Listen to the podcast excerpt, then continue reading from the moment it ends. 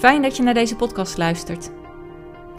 In de tijd tussen hemelvaart en Pinksteren delen we verhalen over hoe de geest van God werkt in de kerk. Uitstappen, ontheemd raken, ontwortelen. Willem van der Dijl brengt dit in verband met de Heilige Geest. Willem werkt voor Evangelie en Moslims en Open Doors. Hij woont in de woongemeenschap Overhoop in Utrecht. Dat is een multiculturele woongemeenschap. De Bijbeltekst voor vandaag is Matthäus 28, vers 19. Ga dus op weg en maak alle volken tot mijn leerlingen. Uitstappen. Begin februari ging er een schok door de Turkse en Syrische gemeenschappen in ons land toen het nieuws binnenkwam van de verwoestende aardbeving. Turkse christenen met een moslimachtergrond kwamen die week in ons land bij elkaar en deelden samen een grote verdriet. Sommigen van hen hadden veel familie verloren. Familieleden uit de Turkse stad Antakya bijvoorbeeld. Die zwaar getroffen stad was veel in het nieuws. Op nu.nl verscheen een bericht over de christenen uit Antakya, van wie huizen en kerken vernietigd waren en die zich afvroegen of de kerk er wel zou kunnen overleven. Was dit dan de laatste klap voor de kerk van Antakya, het oude Bijbelse Antiochië? Een kerk die bestaat sinds de tijd van Paulus, de tijd van handelingen. Je kunt bijna zeggen een kerk die geboren is op de eerste Pinksterdag.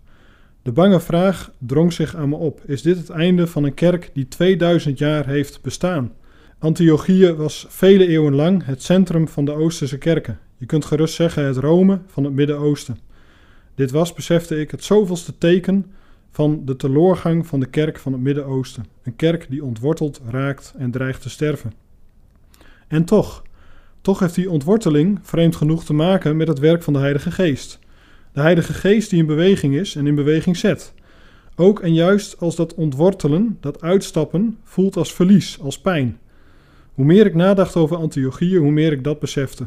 De kerk van Antiochië is ooit ontstaan als een vluchtelingenkerk, lezen we in Handelingen. Volgelingen van Jezus, die elders vervolgd werden, streken neer in Antiochië, ontheemd en gedreven door pijn, in gevaar, maar ook geleid door de geest. Als eerste multiculturele kerk leerden ze om hun identiteit niet te vinden in hun culturele achtergrond, maar in Jezus Christus. Christenen werden ze hier genoemd. Antiochië werd een zendingskerk, die apostelen en evangelisten uitzond over grenzen heen. Volgens de traditie is Antiochië ook de stad waar Lucas vandaan kwam. Lucas, die in zijn evangelie en in handelingen er zo vol van is dat de verlossing van Jezus voor alle volken bestemd is. De geest ontwortelt mensen zodat het evangelie wortel kan schieten in de hele wereld. Ook het Matthäus-evangelie wordt geassocieerd met Antiochië. Er wordt wel gedacht dat het in deze streek op schrift is gesteld. Zou Antiochië dan de plek zijn waar ooit deze woorden van Jezus zijn opgeschreven? Ga dus op weg en maak alle volken tot mijn leerlingen. Op weg gaan, uitstappen, jezelf laten ontwortelen door de Heilige Geest. Verlieservaringen die God tot zegen maakt. Zoals mensen met een vluchtelingenachtergrond die tot zegen worden voor de Nederlandse kerk. Waar ze komen, dragen ze Jezus met zich mee. Want christenen die op weg gaan, die uitstappen, misschien wel tegen wil en dank, zijn toch nooit echt ontworteld. Een kerk die in Christus wortelt, kan niet echt ontworteld raken.